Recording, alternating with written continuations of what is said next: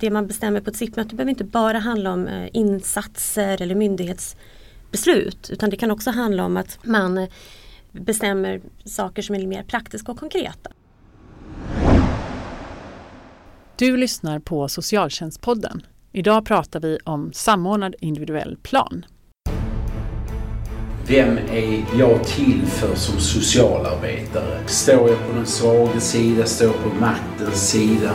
Min kompis sa att om man snackar med så, så tar de barnen.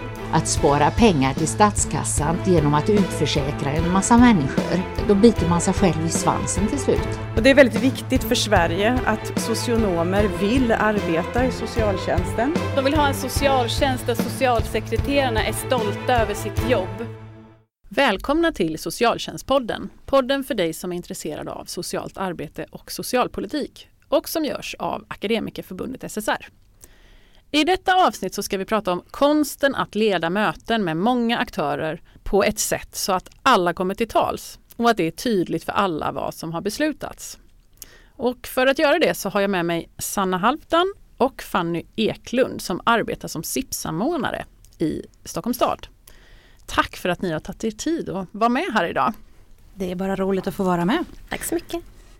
Kan inte ni börja med att berätta, vad är SIP för någonting och vad innebär det? Jag kan väl börja så får du fylla i. Mm. Ja, men SIP är ju en, en lag. Vi börjar med det. Mm. En lag som har funnits sedan 2010 som, som eh, talar om för som är likalydande i hälso och sjukvårdslagen och i socialtjänstlagen. Och eh, som säga, beskriver hur samordning ska ske när det finns behov av det och när man har kontakt med både hälso och sjukvård och socialtjänsten. Eh, ja, så det är en, en gemensam plan kring den enskildes behov. Och bokstäverna står för samordnad individuell plan. Det är det som är målet med en viss sorts möten som man ska ha kring barn och ungdomar eller vuxna som behöver samordning i, kring insatser och stöd och så. Mm. Jag, jag tänker att man kan tänka på det som ett verktyg för samordning. Mm. För det kan ju ofta bli lite rörigt och lite struligt när det är två huvudmän som ska in och ge stöd. Det stämmer. Yes. Eller snarare nu kan det bli väldigt bra eftersom vi har SIP att använda oss av bland annat. Ja, och är det då den enskilde som ska säga att nu vill jag ha en SIP eller vem är det som ser till att det blir en ordentlig plan? Ska jag börja? Jo. Nej, men jag tänker att den, en, den enskilde ehm, har ju rätt. Jag tänker att SIP är en rättighetslag. Mm. Har rätt till en SIP om det behövs en samordning och man har behov av kontakt med hälso och sjukvård och socialtjänst. Eh, och det tror jag att vi kommer komma in på lite senare. Det är inte allmän, allmänt känt. Man kan inte förvänta sig som professionell att kunskap om SIP finns hos alla. Och därför så har man också ett ansvar som professionell inom socialtjänst och hälso och sjukvård att se behov av samordning och att informera om SIP. Och ni arbetar ju som SIP-samordnare inom socialtjänsten i Stockholms stad. Mm. Vad innebär det då? Vad är det ni gör? Ja, jag skulle säga att i våra roller så eh, hjälper vi till med att påminna om SIP och berätta om vad SIP är och har olika mallar och dokument som man kan använda sig av som stöd när man är handläggare inom socialtjänsten. Vi jobbar främst mot eh, barn och ungdomshandläggare inom socialtjänsten i Stockholms stad. Eh, så att mycket stöd till handläggare för att uppmärksamma det här men det handlar också om att jobba på mer strategisk nivå med samverkan mellan olika verksamheter som finns kring barn och ungdomar. Så det handlar mycket om att eh, ha olika samverkansforum eller eh, möten av olika slag kring skola, barn och ungdomspsykiatrin, eh, förskolan, HAB, habiliteringen, de som finns kring barn och ungdomar. Så att våra roller kan vara Ibland gå mer åt mycket stöd åt handläggare och ibland mer åt samverkan mellan organisationerna på mer strategisk nivå. Ja. Nej men jag håller med förstås. Mm. Men, men jag tänker att styrkan tänker jag i just funktion SIP-samordnare är att vi jobbar rent praktiskt med att hålla i SIP-möten, vi mötesleder, vi planerar, vi träffar familjer. Ehm, men också att vi verkar på den här mer övergripande nivån och kan föra med oss det vi ser. Vi möter ju verkligen barnen och deras föräldrar och kan använda oss av det när vi tänker verksamhetsutveckling. Ja. Ehm, så. Ehm, och sen mycket utbildning och kunskaps det kanske du sa, men just det här att utbilda i SIP, eh, utbilda tvärprofessionellt i SIP så att alla i de stadsdelar vi arbetar i får samma information. eh, Vilket är en, en styrka. Och vilka brukar då vara med på ett typiskt SIP-möte? Ja. Om det finns något sånt? Eh, det bygger på att både eh, kommunen och landstinget eller regionen finns med kring en individ. Så att jag skulle säga att det åtminstone finns tre parter. Det finns någon från kommunen, det finns någon från hälso och sjukvårdssidan och det finns den som man ska göra en planering kring. Och vi jobbar mycket kring barn och ungdomar. Då kan det handla om en eller två föräldrar, det kan handla om ett barn och sen alla de verksamheter som finns kring barnet och familjen kan egentligen finnas med men oftast i våra led så handlar det om socialtjänst och skola och BUP och habilitering men sen finns det kan det vara andra mm. verksamheter också. Mm.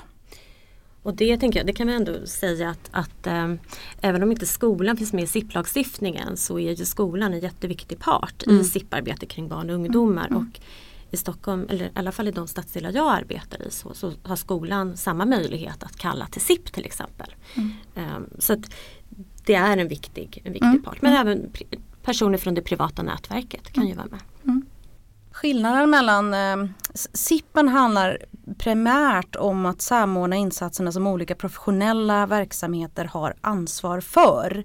Men som du säger nätverket kan också vara med men det är inte istället för regelrätta nätverksmöten. Ibland behöver man ju träffa kanske en hel släkt och jobba kring eh, svåra frågor och hitta sätt att jobba framåt kring eh, barnet eller ungdomen eller familjen.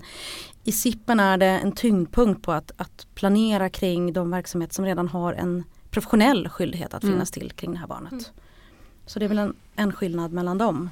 Absolut. Jag tänker när vi pratar om vad SIP är, det är ett mm. planeringsmöte. Ja. mellan profession, samordning mellan professionella. Mm. mm. Men det låter ju som att det kan vara, när ni räknar upp alla de här olika aktörerna så låter det som att det kan vara ganska många olika professionella personer. Hur gör ni för att den det gäller, i det här fallet ofta barn och unga, för att den ska få utrymme och kunna vara delaktig i sin planering? Mm. Ja, ska jag säga? Ja. ja. Nej, men, för, alltså att förbereda äh, mötet tillsammans med både barn och äh, vårdnadshavare. Mm. Tänker jag är, är liksom nummer ett. Mm. Att man inte som professionell hittar på ett syfte. Man kan ha en tanke kring varför det behövs ett SIP-möte eller upprättas en SIP. Äh, men att man delaktiggör Eh, den, den mötet gäller i den planeringen. Och då gäller det både vuxna och barn. Mm. Det är ju steg ett. Och då kan man, eh, alltså då har man konkret ett möte tillsammans där man pratar om vad är det ni skulle vilja att ett sånt här möte kommer fram till eller vad är de viktiga frågorna? Man formulerar en fråga tillsammans med familjen som man skickar ut till alla de här man ska kalla. Man formulerar vad, vad är det vi ska prata om på mötet och vad är det vi vill komma fram till. För en familj eller ett barn kan välja till vissa saker de inte vill att vi ska prata om mm. och det är andra saker vi ska prata om. Man kanske vill prata om måendet i ett visst sammanhang men inte någon annan sida av ens liv. Så att, att det, det är ju en del i att göra dem delaktiga inför. Sen är det ju väldigt mycket hur man gör dem delaktiga på mötet också. Mm. Jag tänker en viktig sak i det här också att hur pratar vi om saker? Vissa mm, saker mm. kan man behöva prata om hur. Vi behöver mm. prata om att du inte mår bra. Men hur gör vi mm, det?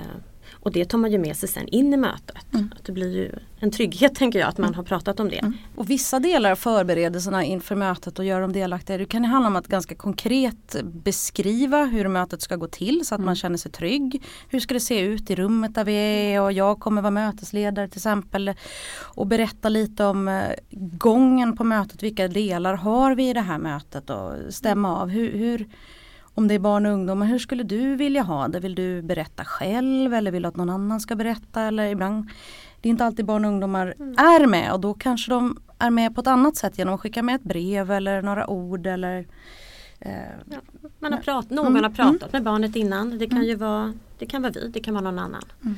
Eh, men sen under mötet så eh, handlar det jättemycket om att ha, ha de personerna i fokus som mötesledare hela tiden i det mm. som sägs. Att liksom där ska fokus vara. Mm. Eh, det, är, det är svårt att beskriva hur men, men, men någonstans i att man tittar mycket på hur, hur verkar den här personen ha det i mötet. Mm.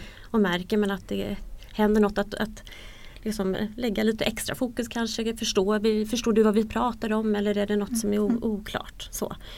Och rent Ja. praktiskt i rummet brukar jag placera den det handlar om. Jag är mötesledare placerar jag den det handlar om bredvid mig så att jag naturligt vänder mig direkt till den som är huvudpersonen för mötet. Och erbjuder den att vara den som inleder och får berätta först. Eller fråga om den vill det. Det är inte alla som vill det men att det är ditt möte. Vill du börja med att berätta någonting? Och att man, som du säger Fanny, återkommer till. eh, Har vi pratat om rätt saker? Någonting vi behöver förtydliga i det som just har sagts? Att det är huvudpersonen som får barnet eller föräldrarna eller ja, den vuxna det gäller kanske att den får förtydliga. Om Mm. den, Vik- Och där blir det viktigt att, att sammanfatta tycker Mm. jag. Under mötet. Mm. Nu har vi pratat om det här. Mm. Mm. Är vi färdiga med det här? Kan Mm. vi gå vidare? Vad tänker du? Och vad är det vi har beslutat? Ja, och nu har vi bestämt Mm. det här. Är det tydligt? Mm. Så. Mm. Så första gången som ni träffar eh, barnet och familjen, det kan egentligen vara när ni förbereder det här mötet? Ja, det stämmer. Mm. Ofta, men inte alltid. Ibland är det fem minuter innan mötet. Ja. Och då blir det ju ännu viktigare att vara tydlig att liksom gå till den det gäller direkt och liksom stämma av lite enskilt att det är jag som är mötesledaren, känns det okej att, att berätta i någon snabbformat hur, hur man kommer ha mötet och stämma av hur den personen känner inför mötet. Mm. Är du nervös eller känns det okej eller vill du prata för dig själv eller har du någon med dig, var vill du sitta i rummet och så vidare. Mm.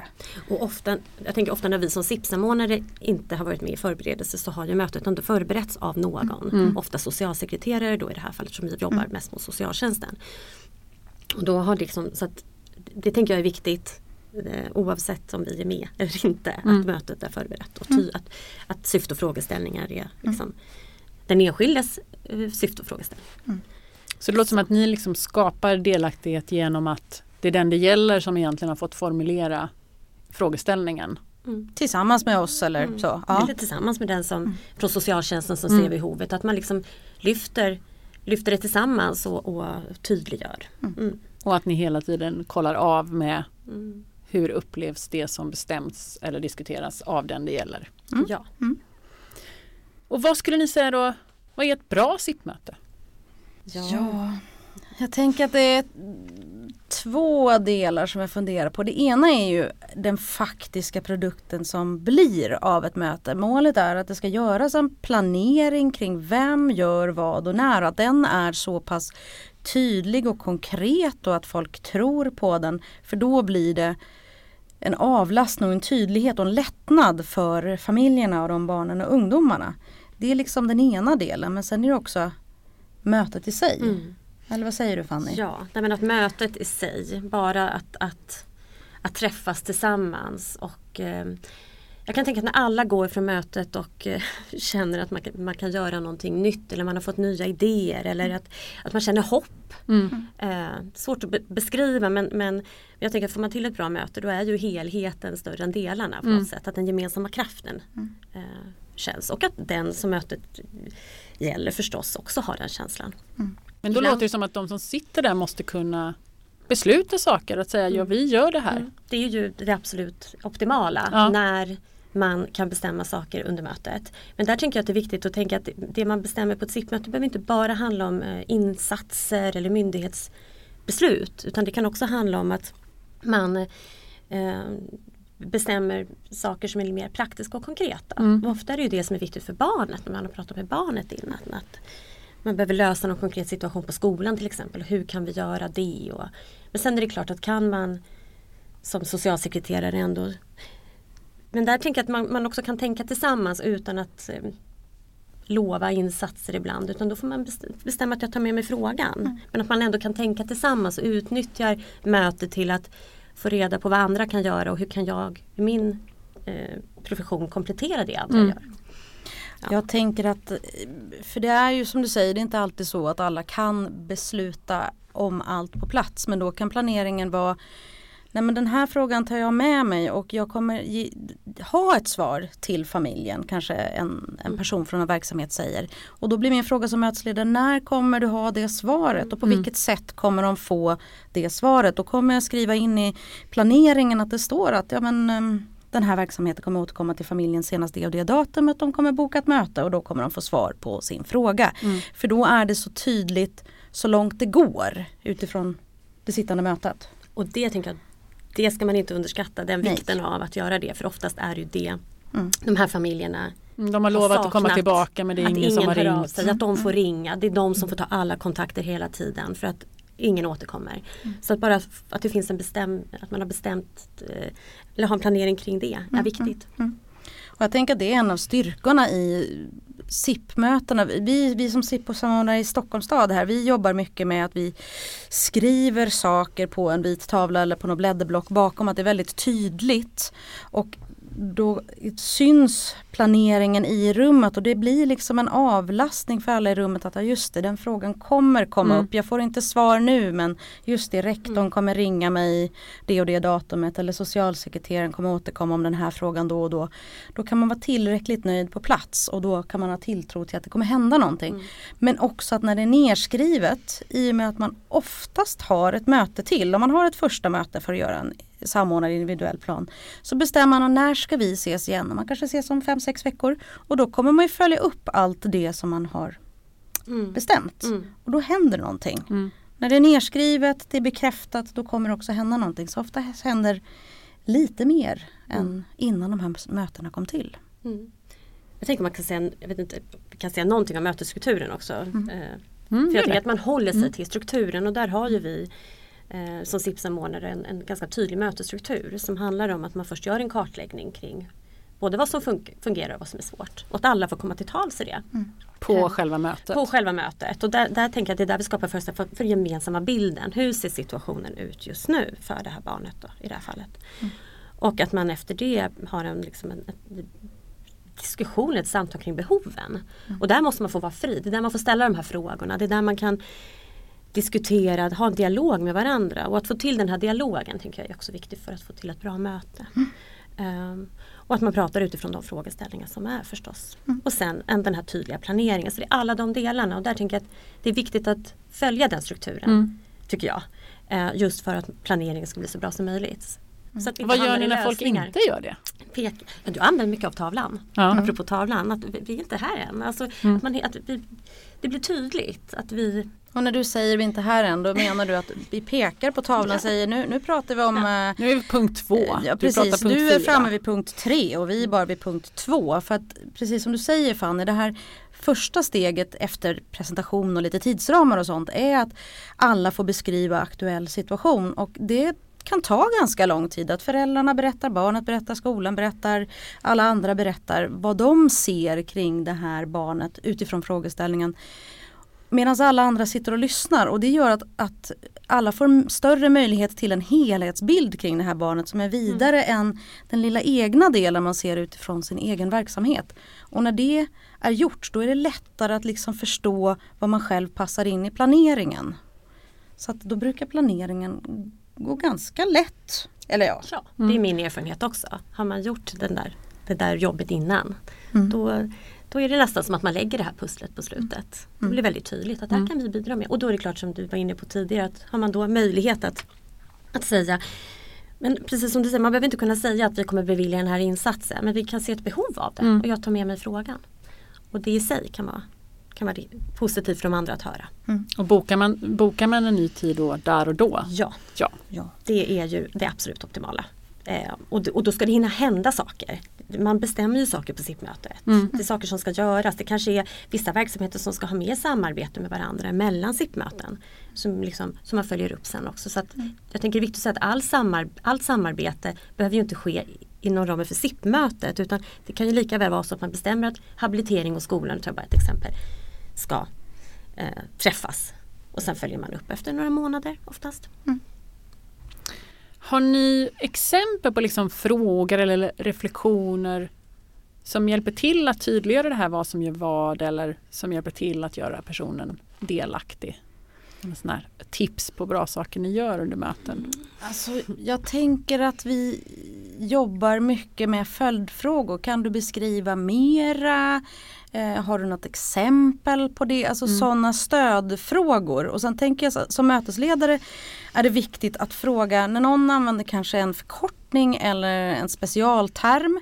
Ibland kan jag utgå från mig själv, det här vet inte jag vad det betyder och ibland får jag tankeläsa att det kan nog sitta folk i rummet som inte vet vad det här betyder. Mm. Att då, du säger den här förkortningen, vad betyder det? Kan du förklara lite mer så alla förstår? Det är en sätt i att, att hjälpa till. Och när vi kommer till den delen som handlar om själva planeringen då skulle jag inte nöja mig förrän Okej, vad är det som ska göras och vem ska göra den och när ska det göras? Om det kommer lite svepande nu under hösten. Ja men när under hösten? Är det oktober eller november? Ja men det är november. Är början eller slutet av november? Vem är det som ansvarar? Ja men det är socialtjänsten. Vem på socialtjänsten? Att man inte ger sig förrän det är detaljerat så att det faktiskt finns en person som har ett ansvar att återkoppla på det och till ett visst tid. Så att följdfrågor. Mycket följdfrågor. Vad säger du Fanny? Ja, nej men jag håller med. Väldigt viktigt. Och förtydliganden och konkretisera. Eh, för vi har ju olika språk och olika kulturer. Det är viktigt att komma ihåg när man träffas från olika verksamheter. Eh, men sen tänker jag också att jag brukar, alltså när vi pratar behov, att, att försöka få med alla, även de tysta. Jag tycker någonstans att, sen kan jag inte säga, att, vända sig direkt, så, vad tänker du? Eh, men jag vet inte för jag, jag har ju inte jag, jag är ju bara och så tycker man att man har någon liten liten roll. Ja men utifrån dina erfarenheter, utifrån Du måste ju varit i många sådana här sammanhang och träffat många andra ungdomar med liknande svårigheter till exempel. Att man någonstans också bekräftar människan i rummet. För, för det finns ju någonting också när det är väldigt många att alla kanske tycker att de har en väldigt liten del egentligen. Och, och så. så det kan ju också vara ett sätt att delaktiggöra. Um, men sen tänker jag jag tänkte någonting på det där du sa om planering men det kanske kommer tillbaka. Ja, kommer inte på det nu. Så mm, ni håller i det här första mötet. Håller ni också sen då i det här uppföljande mötet? Eller är ni med varenda gång de här konstellationerna? Eller får de Alltså det behöver ju inte vara just SIP-samordnarna. Nu, nu har ju både Fanny och jag hållit en del SIP-möten utan eh, det kan ju vara eh, en handläggare eller det kan egentligen vara vem som helst och det vi försöker lära ut det är liksom en struktur och ett sätt att göra det här. Och lite grann att betona vikten av att den som håller i mötet på något sätt är lite oberoende. Den som håller i mötet kan inte vara den som Mm. Ska inte sitter vara på festfrågor. Nej, eller så är det en socialsekreterare som kanske inte har den största frågan i knät i alla Nej. fall. För då blir det väldigt svårt att både styra mötet och själv svara på hälften av frågorna eller själv sitta på hälften av frågorna. Så att, att, att använda kollegor eller använda, ja nu har vi ju SIP-samordnare som, som hjälper till i vissa möten. Så att det, Men den som har hållit mötet, jag tycker att det är en fördel att det är samma person även vid nästa möte. För då känner sig folk igen sig att ja, men så, här, så här fungerar Sanna som mötesledare, så här fungerar Fanny som mötesledare. Då, då vet man gången när man kommer dit. Och det, då har man hälften vunnet med. Man kommer ni ihåg hur det var sist när vi sågs för två månader sedan? Nu kör vi på samma sätt. Det är samma tavla, samma frågor. Nu kör vi. Jag tycker också att det är en fördel att kunna vara med. Och jag tror att, eh, att familjen också tycker det, att det är skönt. Men det är inte alltid heller det är möjligt. Det kan ju vara så socialtjänsten sammankallar till ett första SIP-möte men att det till exempel blir en eh, ja, BUP eller något som, som blir ansvariga för, för själva planen. Och då brukar inte jag vara med utan då brukar det vara den verksamheten som, som tar över ansvaret. För den som är ansvarig för planen är den verksamhet som har mest kontakt med barnet. Och det är inte alltid den verksamheten som kallar till SIP. Ehm, så. Men, men eh, ja, det är bra att kunna vara med under hela processen. För SIP är ju en process som att man eh, checkar av löpande. Gör, gör vi rätt saker? Eh, och att ha den kunskapen med sig är bra som mötesledare. Varit med. Vad får ni för respons då från de barn och familjer som, som är huvudpersonerna? Ja, jag kan väl först, vi gör ju, försöker ju efter varje SIP-möte göra en utvärdering med familjerna. Eh, Det kan både vara barnet som fyller i och föräldrar. Den heter SIP-kollen. Den finns på nätet, sipkollen.se. Eh, Jag är ofta med, alltså det, är ju, stat- det blir ju statistik men jag tycker att kan man göra den tillsammans med familjen in, eller efter eller barnet så, så är det väldigt bra. Och då får de fylla i liksom nöjdhet och så. Och där tycker jag att när jag, när jag gör det så är det ju mycket positiv. En positiv känsla. Att man tycker om strukturen. Man tycker om att det blir en tydlig planering. Eh, Man kanske var nervös innan men det känns bra efteråt. Så, så att överlag positivt. Ja men jag instämmer nog för jag tror att många Många av de föräldrar och ungdomar jag har träffat har varit ganska nervösa inför mötet för att mötet kommer till för att det inte funkar. Mm. Och man tar med sig den känslan in i mötet och så ser de att jo, men det gick att prata med alla de här verksamheterna i rummet och jag kom till tals och jag känner mig lyssnad på och mycket lättnad och tilltro. Sen kan det vara lite blandat så här, nu får vi se vad det blir då. Ja. Men eh, nästan alltid så vid det uppföljande SIP-mötet när man har först ett möte där man gör den här planeringen och sen träffas man igen efter 68 veckor och stämmer av hur har det gått? Vad behöver vi planera något nytt?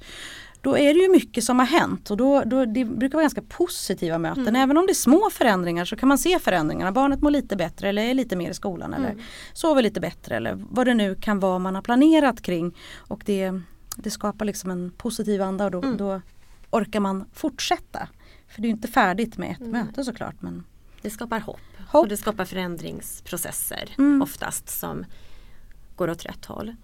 Och ibland så, så, så behöver man eh, ja, men oftast så tänker jag att även om man inte får alla svar som förälder så är det just den här känslan av hopp eller som barn att liksom ändå, det, men det händer något, alla gör någonting. Mm. Alla gör något och att också Och andra jag vet vem det är som Jag ska vet göra vem och när är. jag får svar. Och jag vet att de här personerna har träffats nu och att alla fått höra samma sak. Liksom, så. Att det är skönt. Men har de då, för jag tänker att om ni har skola, hälso och sjukvård, socialtjänst. Det man skulle tänka då är ju så här, men oj, det är jättemånga sekretessområden. Mm. Så. Mm. Hur det finns det lösningar på. Det finns det lösningar på. Ja men i och med att planeringen har gjorts inför mötet med för det första måste ju familjen och den det berör samtycka till att ha det här mötet och de är med och planerar vad man ska prata om och då bygger det på att de ger sekretesseftergift. Att Mm. de säger att ja, men det är okej att vi pratar om det här. Och där kommer vi tillbaka till det här med frågeställning. Det är okej att vi pratar om den här frågeställningen. Sen kan de välja att det är vissa saker jag inte vill att ni berättar om. Socialtjänsten kan ju veta om många olika Mm. delar i en familjs liv. Nej men vi ska inte prata om en del av det utan vi ska kanske prata om eh, hur det ser ut i skolan Mm. och på fritiden. Ja men då är det det vi pratar om och då har man ett påskrivet samtycke där de säger och det brukar vi tala om i början att det den här personen handlar om, det här är frågeställningen och vi har ett samtycke så alla i rummet kan prata öppet utifrån Om de här frågeställningarna. Ja. Om just det här. Och där tänker jag att eftersom ett av syftet med SIP är att avlasta den enskilde så Mm. kan det vara jättebra att på ett SIP-möte också släppa sekretess mellan möten, mellan vissa verksamheter Mm. om vårdnadshavarna tycker att det är okej. De här verksamheterna får ringa till varandra och checka av för man Mm. behöver ha nära kontakt eh, för att göra rätt saker även mellan. Och då kan det vara jättebra att bestämma sånt på ett SIP-möte. Mm. Ehm, I den boken som Akademikerförbundet SSR har tagit fram med bredden som spets som socionomers yrkesidentitet så säger en av de intervjuade att socionomer är bra på att hålla i den typen av möten med många aktörer så att alla får komma till tals. Vad tänker ni om, och jag har även varit på eh, lärosäten där man beskriver att när man har så här pedagogisk praktisk och personlig utveckling eller något sånt där, man då har vissa moment tillsammans med personer som går andra yrkesutbildningar eh, så är det ofta liksom socionomerna som tar tag i och eh, ja, men strukturera, strukturera upp mötena och se till att så här, nu får du anteckningar och nu är det det här vi ska göra och så. Eh, vad tänker ni om det? Har, Ja. har utbildningen Mm. gett er någonting som gör att. Ni har jag- kompetens att göra det Nu här? är det ju inte förra århundradet jag tog min examen men jag minns ju liksom inte riktigt vad det var jag lärde mig där. Men jag, vi har pratat om vad våran, att vi har jobbat inom socialtjänsten och att vi har en kunskap om många olika verksamheter för att när, framförallt när man utreder kring barn och ungdomar, att man träffar många verksamheter, lär sig lite om många olika verksamheter. Mm. Det kan vara en del i mötet att liksom förstå vad de olika verksamheterna sitter med. Sen har vi pratat en del om det här med att vi systemteori som är Mm. en återkommande inslag i liksom våra utbildningar och vad vi försöker göra. Att, att ha tilltro till mötets kraft, att när man samlar personer och har ett fokus på en och samma sak, att man faktiskt kan komma någonstans. Mm. Det, är ju inte, det svarar inte på din fråga om vi är bättre än andra på att eh, hålla i stora möten men, men att vi har en tilltro till att det gör skillnad. Ehm, och idéer om. För det ni, Ja, ska man prata systemteori så för ni samman system Mm. på ett möte. Och pratar Mm. fokuserat om en frågeställning och försöker liksom driva åt samma håll. Så att ni tänker att det är just det här att man vet hur olika aktörer fungerar underlättar i att hålla mötet därför att man vet lite ja, men uppdrag, hur ser det ut, ansvarsområde. Eh, och då blir det också, då kan man också hålla i ett möte på ett annat sätt. För att man in, har lite koll på vad sitter varje aktör med. Som socialsekreterare tycker jag att det är en del av ens erfarenhet man Mm. har med sig som underlättar. Men sen är det också det här med att eh, vi som socionomer jobbar vi med relationerna och med processerna och det Mm. är en väldigt viktig del i sådana här möten där folk kommer in med många olika känslor av eh, kanske frustration och Mm. tidigare Mm. besvikelser och sånt. Att, att då är vi på hemmaplan att jobba med det, att iaktta vad det är som händer i ett Mm. rum. Mm. Nej men jag håller Ja. med. ja. SIPen då, eller ska vi samordna en individuell plan, vi säger Mm. hela apropå förkortningar, eh, har ju funnits sedan 2010 men det är fortfarande många som har insatser från både socialtjänst och hälso och sjukvård men som inte känner till SIP och som inte har någon. Vad tänker ni att man behöver göra för att den ska bli mer använd och känd? Ja, jag tycker att det är jättebra att eh, just SIP-samordnarfunktionen fyller ju en, en funktion kan man säga. Eller SIP-samordnarrollen fyller ju en sån funktion i liksom det lokala samhället, i de stadsdelar vi jobbar i. Vi är personer som är synliga och som gör det möjligt att ha SIP-möten. Och, och min, min erfarenhet är att ju mer man som professionell märker styrkan i och liksom möjligheterna det ger och inte bara skyldigheten eh, desto mer blir det. Mm. Och, och, och det är ett sätt. Sen behövs det säkert mycket mer men, men, men jag tänker att det är viktigt att, att det finns eh, kunskapsbärare eller möjliggörare liksom, som kan göra det här lokalt. Eh, så. Och då är ni någon slags kunskapsbärande i era stadsdelar. Ja. Mm. Mm, det är vi ju. Att socialsekreterarna vet att Mm. det här ska vi göra. Om, Och vi är ju bara en pusseldel i samhällsmaskineriet så jag tänker att det är olika verksamheter kan behöva göra olika saker för att uppmärksamma de professionella som jobbar i de verksamheterna. Sen kan man behöva få ut information till vi människor som också är del av samhället och kan behöva det här samordnade individuella liksom planeringen att ja, anslagstavlan på tv och tidningar, alltså på olika sätt. Jag tänker att informationen och upp, eh, kring eh, den här möjligheten behöver komma på olika sätt. Den behöver både komma via organisationerna som har ett ansvar att kunna bistå med det här och till alla vi som är samhällsmedborgare via olika kanaler.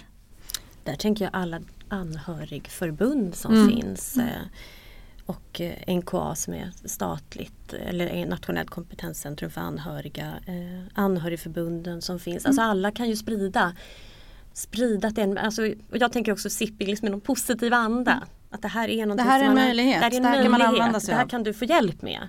För jag tänker just att lyfta det som ett, en, en möjlighet att få den här planeringen och eh, ja, så information men också förstås erfarenheter i liksom organisationer så att fler och fler börjar använda sig av det för det är ett jättebra verktyg. ligger det i era väntrum på stadsdelarna information om SIP? Det ska jag gå och kolla på. Det gör det, gör det faktiskt nu. Ja. Mm. Det gör det imorgon. Ja. Om det inte redan ligger där. Bra, det låter ju som en sån där att då kan man själv om man hittar någon liten lapp där att de, det kanske, det kanske, jag kanske ska ha en sån här. Mm.